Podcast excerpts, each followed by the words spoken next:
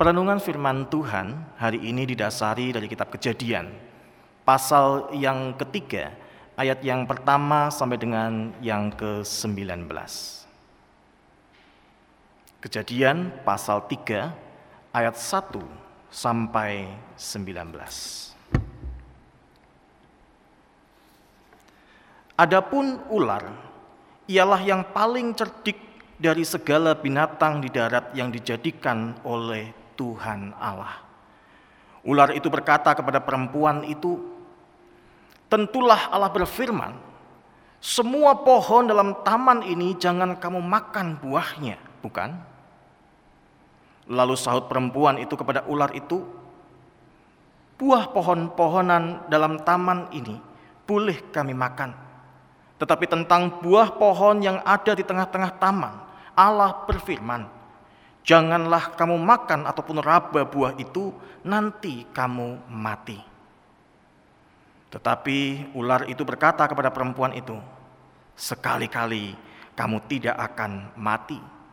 Tetapi Allah mengetahui bahwa pada waktu kamu memakannya, matamu akan terbuka, dan kamu akan menjadi seperti Allah, tahu tentang yang baik dan yang jahat. Perempuan itu melihat bahwa buah pohon itu baik untuk dimakan dan sedap kelihatannya. Lagi pula pohon itu menarik hati karena memberi pengertian. Lalu ia mengambil dari buahnya dan dimakannya dan diberikannya juga kepada suaminya yang bersama-sama dengan dia dan suaminya pun memakannya. Maka terbukalah mata mereka berdua dan mereka tahu bahwa mereka telanjang. Lalu mereka menyemat daun pohon ara dan membuat cawat. Ketika mereka mendengar bunyi langkah Tuhan Allah yang berjalan-jalan dalam taman itu pada waktu hari sejuk, bersembunyilah manusia dan istrinya itu terhadap Tuhan Allah di antara pohon-pohonan dalam taman. Tetapi Tuhan Allah memanggil manusia itu dan berfirman kepadanya, di manakah engkau? Ia menjawab, ketika aku mendengar bahwa engkau ada di dalam taman ini, aku menjadi takut karena aku telanjang. Sebab itu aku bersembunyi. Firmannya, siapakah yang memberitahukan kepadamu bahwa engkau telanjang? Apakah engkau makan dari buah pohon yang kularang engkau makan itu? Manusia itu menjawab, perempuan yang kau tempatkan di sisiku, Dialah yang memberi dari buah pohon itu kepadaku, maka ku makan. Kemudian berfirmanlah Tuhan Allah kepada perempuan itu, Apakah yang telah kau perbuat ini? Jawab perempuan itu, Ular itu yang memperdayakan aku, maka aku makan. Lalu berfirmanlah Tuhan Allah kepada ular itu, karena engkau berbuat demikian, terkutuklah engkau di antara segala ternak dan di antara segala binatang hutan. Dengan perut mula engkau akan menjalar dan debu tanahlah akan kau makan seumur hidupmu. Aku akan mengadakan permusuhan antara engkau dan perempuan ini, antara keturunanmu dan keturunannya. Keturunannya akan meremukkan kepalamu dan engkau akan meremukkan tumitnya. Firmannya kepada perempuan itu, susah payahmu waktu mengandung akan kubuat sangat banyak. Dengan kesakitan engkau akan melahirkan anakmu namun engkau akan berahi kepada suamimu dan ia akan berkuasa atasmu. Lalu firmannya kepada manusia itu, karena engkau mendengarkan perkataan istrimu dan memakan dari buah pohon yang telah kuperintahkan kepadamu, jangan makan daripadanya. Maka terkutuklah tanah karena engkau. Dengan bersusah payah, engkau akan mencari rezekimu dari tanah seumur hidupmu semak duri dan rumput duri yang akan dihasilkannya bagimu, dan tumbuh-tumbuhan di padang akan menjadi makananmu. Dengan berpeluh, engkau akan mencari makananmu sampai engkau kembali menjadi tanah. Karena dari situlah engkau diambil, sebab engkau debu dan engkau akan kembali menjadi debu. Demikianlah firman Tuhan. Berbahagialah orang yang taat dan setia melakukan kebenarannya. Haleluya. Bapak, Ibu, dan saudara-saudara yang terkasih di dalam Tuhan Yesus Kristus yang mengasihi dan dikasihi Tuhan. Hari ini saudara kita diberi sebuah tema yang menarik. Dikatakan supaya kehidupan kita ini mencukupkan diri sebagai kunci dari mengendalikan diri. Kita diingatkan bahwa cukup adalah suatu hal yang penting namun di satu sisi cukup ini menjadi suatu hal yang tidak mudah untuk diwujud nyatakan. Contoh misalkan karyawan merasa gajinya kurang, lalu dia memilih untuk pindah kerja. Pindahlah dia kerja ke tempat yang baru, gajinya sudah lebih besar.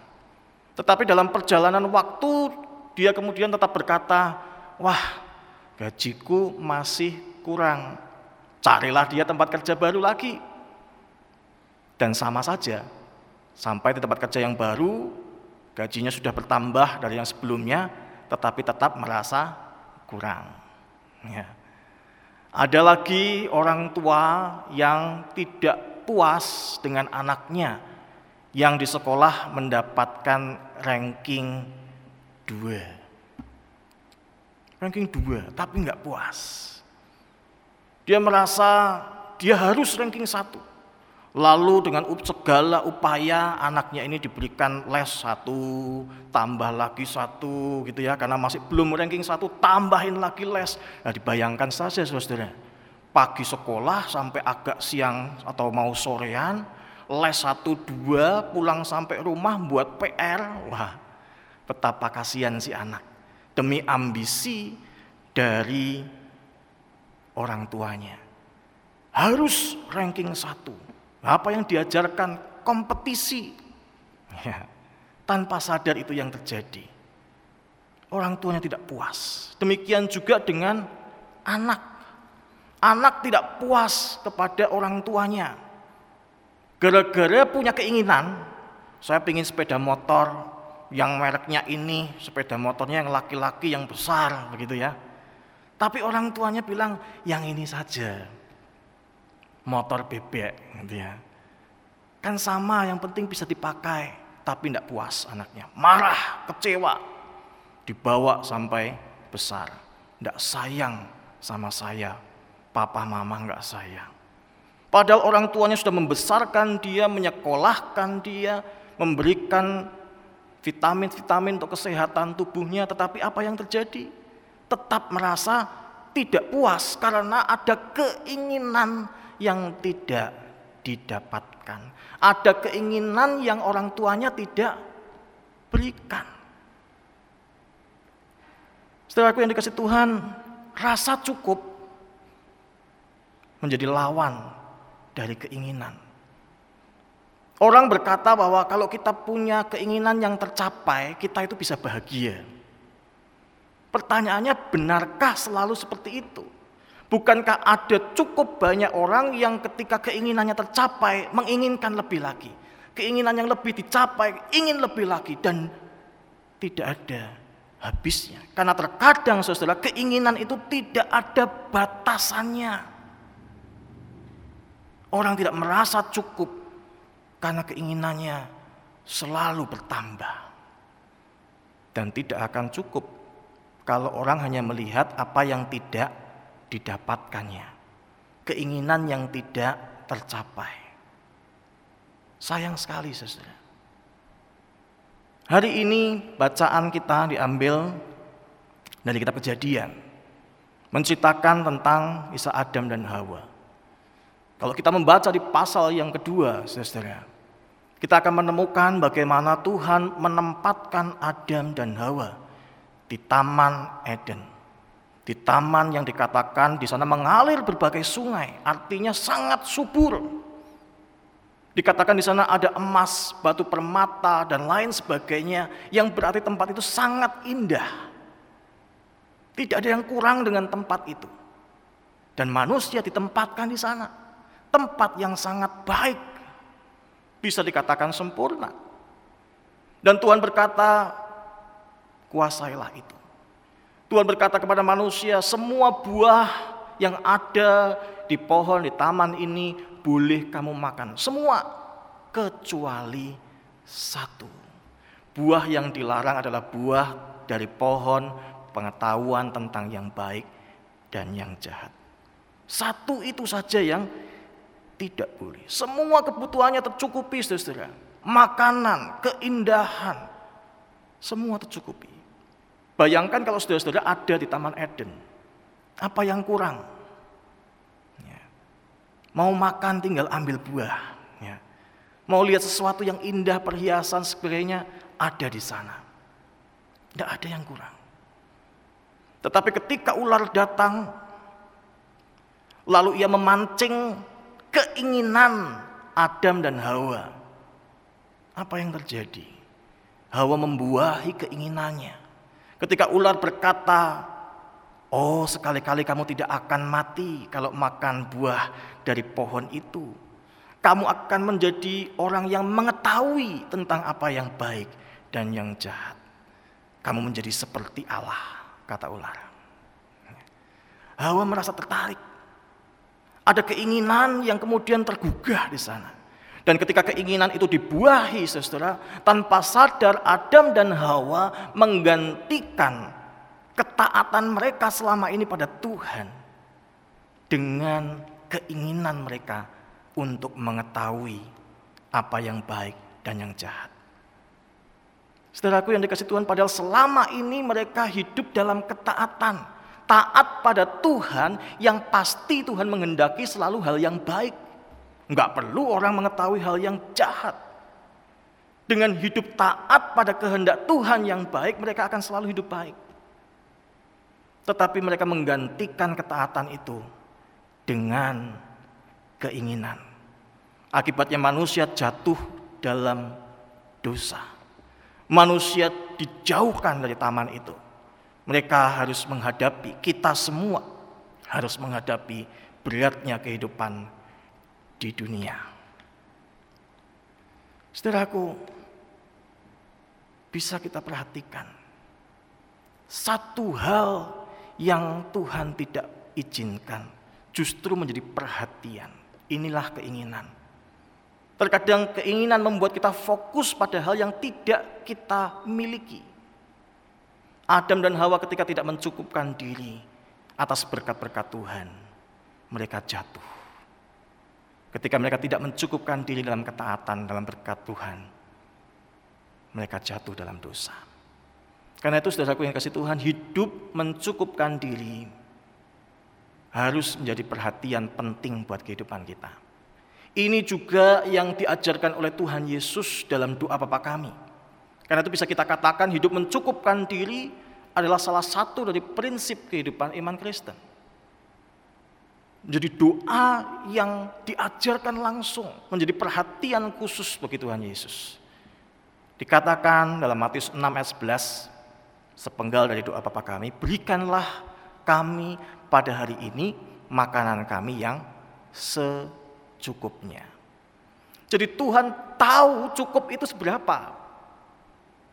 Manusia tidak bisa mengukur cukup itu berapa. Kenapa? Karena ada hawa nafsu, keinginan yang terus dibuahi.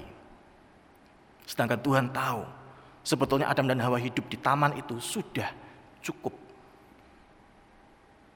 Bandingkan saudara dengan kehidupan bangsa Israel. Bangsa Israel ini adalah bangsa yang dibebaskan Tuhan dari tanah Mesir, dari perbudakan. Betapa baik dan luar biasanya Tuhan. Namun ketika mereka dalam perjalanan harus melalui padang gurun yang gersang. Tentu saja di padang gurun tidak ada makanan, sedikit sekali air. Tetapi apa yang dilakukan Tuhan?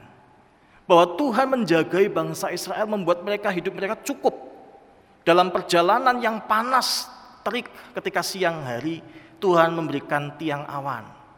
Pada malam yang dingin Tuhan memberikan tiang api, kurang apa? Cukup taat saja. Bahkan Tuhan memberikan roti atau yang disebut dengan makanan surgawi, mana dari surga. Untuk kebutuhan mereka. Di padang gurun bisa dapat makanan seperti itu. Tuhan yang sediakan. Mereka minta daging Tuhan berikan. Tapi apa balasan manusia? Tidak cukup Tuhan. Mereka bersungut-sungut Mereka menginginkan sesuatu yang waktu mereka hidup di dalam perbudakan, yang mereka tidak dapat saat ini. Pesta pora dan lain sebagainya. Yang dilihat adalah yang tidak mereka dapatkan. Padahal yang diberikan Tuhan kepada mereka itu luar biasa semua. Tidak mampu manusia menciptakannya sendiri. Sungut-sungut itulah yang muncul dari keinginan-keinginan yang dibuahi. Mereka menggantikan taat pada Tuhan dengan perlindungan yang luar biasa, dengan keinginan hati. Bandingkan lagi dengan kehidupan Rasul Paulus. Ketika ia berdoa, meminta kesembuhan, tiga kali aku berdoa, kata Paulus. Tapi Tuhan katakan, cukup sudah kasih karuniaku bagimu. Dan ia katakan, oke okay, Tuhan, kalau itu memang cukup, aku tetap akan bersyukur. Kenapa? Karena di dalam keterbatasanku, engkau tetap memakai aku sebagai pemberita, pembawa kabar baik, pembawa Injil Tuhan. Bagi dia itu cukup. Paulus tidak meminta lebih atau protes kepada Tuhan. Tuhan, mestinya kalau aku melayani diberi sembuh. Mestinya aku diperlengkapi lebih. Tidak. Paulus katakan, cukup. Baik Tuhan. Aku tetap bersyukur karena engkau memakai kehidupanku. Karena itu saudaraku mencukupkan diri berbicara bagaimana kita menjadi orang-orang yang kalau mau bahagia, ya belajarlah bersyukur atas yang cukup yang Tuhan berikan. Karena ketika kita tidak pernah merasa cukup, pasti kita tidak akan bahagia. Bahkan kita akan menderita karena merasa selalu kurang. Ibarat kalau orang punya keinginan sepuluh, Ya. 1, 2, 3, 4, 5, 6, 7, 8, 9 sudah terpenuhi. Sudah kita dapatkan. Yang ke sepuluh belum. Lalu kita fokus pada yang ke sepuluh terus.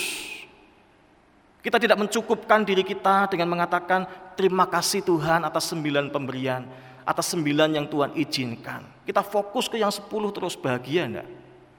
Enggak bahagia saudara. Kita diajak untuk mencukupkan diri, mensyukuri apa yang ada dalam kehidupan kita. Jangan kurang terus. Inilah yang juga dinasihatkan oleh Yohanes di dalam Injil Lukas bacaan kita. Di kata pembuka tadi di awal kebaktian. Yohanes menyerukan tentang pertobatan. Bertobatlah, begitu ya. Dan orang-orang datang kepada Yohanes, ada dikatakan pemungut-pemungut cukai, bertanya apa yang harus kami lakukan kalau kami mau bertobat. Dan dia katakan, Yohanes katakan, jangan menagih lebih banyak dari yang ditentukan. Prajurit-prajurit datang, apa yang harus kami lakukan? Yohanes menjawab, jangan merampas, jangan memeras. Cukupkan dengan gajimu. Cukupkan. Ya. Kata cukup itu saudara bisa diartikan dalam bahasa aslinya arkeo yang artinya juga puas. Puaslah dengan apa yang kau terima saat ini. Syukuri. Karena itu orang yang tidak pernah merasa puas, Orang yang terus melihat hanya pada apa yang belum dia dapatkan adalah orang-orang yang belum selesai dengan dirinya sendiri. Yohanes katakan jangan mengambil yang menjadi yang bukan menjadi hak kita. Jangan salah gunakan kekuasaan untuk mencapai keinginan-keinginan kita. Kita diminta untuk menggunakannya dengan bijaksana. Cukupkan dengan gajimu. Cukupkan dengan berkat-berkat yang telah engkau terima. Dan memang saudara-saudara di sisi yang lain, kata mencukupkan diri tidak berarti kita boleh bermalas-malasan. Oh ya sudahlah, segini saja cukup. Saya tidak perlu maju, saya tidak perlu berusaha lebih, saya tidak perlu berjuang. Segini sudah cukup, bukan itu. Ya. Mencukupkan diri adalah tahu kapan kita harus berhenti sejenak, lalu menikmati berkat-berkat Tuhan, mensyukuri apa yang ada, dan bersama-sama menciptakan bahagia dengan orang-orang yang kita kasihi. Ingatlah Yakobus 1 ayat 14 mengatakan tiap-tiap orang dicobai oleh keinginannya sendiri. Ingin dapat lebih, mengambil apa yang bukan haknya. Ingin prestasi lebih, kenaikan jabatan kerja, abai pada keluarga. Tidak peduli mereka sedang mengalami pergumulan apa, kita sibuk pokoknya kerja, kerja, kerja. Melupakan ada orang-orang, anak-anak yang perlu dikasihi, anak-anak yang membutuhkan cinta kasih kita. Karena kerja, kerja, kerja, pulang kerja sudah lelah, anak pingin main, malah dimarahin. Padahal mereka juga membutuhkan kehadiran kita. Abai dengan pasangan hidup, seolah-olah kita tidak mengerti, tidak peduli pada perasaan dan pergumulannya sepanjang hari. Kenapa? Karena tidak puas, ingin terus naik jabatan. Akhirnya jegal rekan kerja, fitnah rekan kerja. Bisa terjadi, banyak terjadi. Karena itu dikatakan mencukupkan diri bukan berarti tidak boleh maju atau berkembang. Tetapi seseorang yang mencukupkan diri akan berkata, baik Tuhan untuk saat ini aku cukup dengan keadaan ini, saya cukup mensyukuri anugerah Tuhan hari ini. Meskipun besok saya akan berjuang lebih baik. Dan semoga Tuhan mengizinkan saya menemukan kebahagiaan demi kebahagiaan.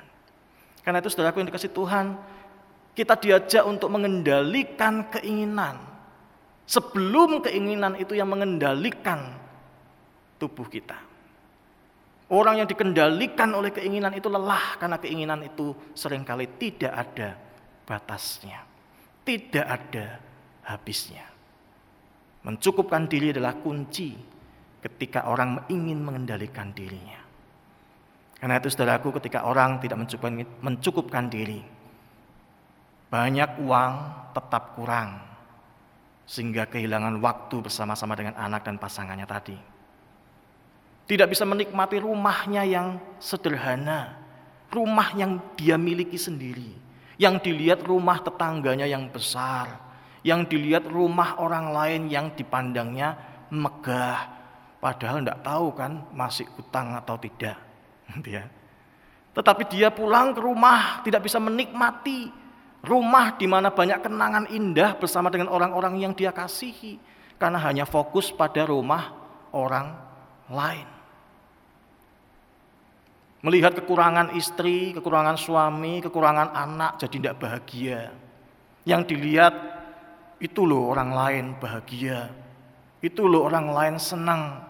Keluarga lain itu penuh sukacita, tempat kita kok tidak. Padahal ya keluarga yang lain belum tentu juga tanpa persoalan. Tiap-tiap keluarga pasti punya persoalannya masing-masing. Dan sangat tidak adil ketika kita melihat kekurangan orang-orang terdekat kita dibandingkan dengan kelebihan dari keluarga lain yang bukan siapa-siapa kita. Kita tidak bisa melihat mencukupkan diri. Ya. Ketika kita ingin keluarga kita menjadi seperti keluarga lain. Kita diajak untuk mencukupkan diri, tidak membuai keinginan-keinginan sehingga kita berbuat jahat untuk mencapai keinginan itu. Kita diajak untuk hidup dalam ketaatan, karena di dalam Tuhan, ketika kita taat pada Tuhan, Tuhan tahu cukup kita itu seberapa. Dan itulah yang diteladankan oleh Tuhan Yesus. Ketika ia berjalan menuju salib, ada dalam dirinya keinginan untuk lepas dari penderitaan ini. Tetapi ia mengganti keinginannya dengan ketaatan. Ia mencukupkan diri untuk hidup sebagai seorang penebus, mati di usia yang tidak terlalu tua, masih muda. Tetapi itu cukup. Dan Kristus menyetujuinya. Dia katakan, jadilah kehendakmu, ya Bapa. Dalam diri Yesus ada keinginan untuk tetap bersama para murid tinggal dengan para murid.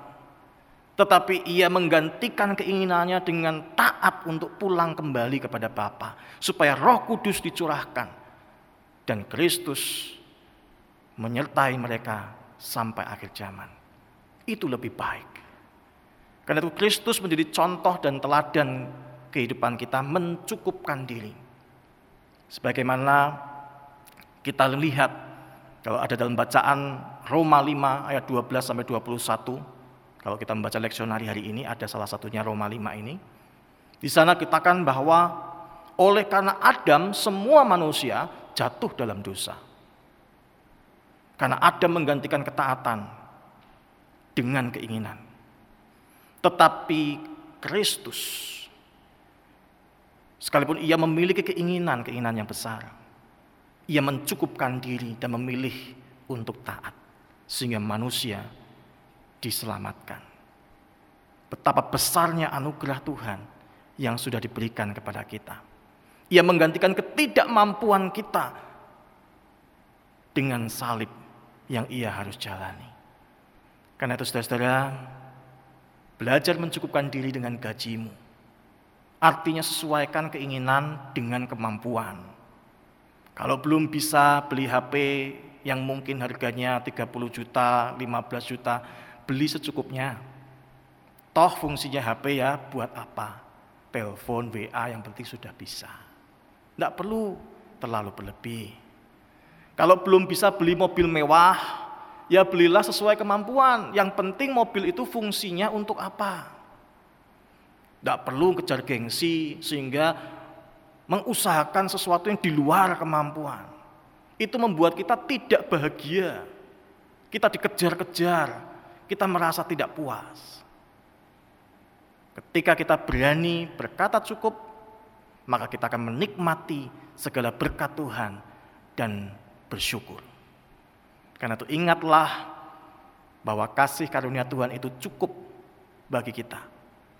Bahkan ketika keinginan kita belum tercapai, pemeliharaan dan kasih Tuhan selalu mencukupkan kehidupan kita. Amin.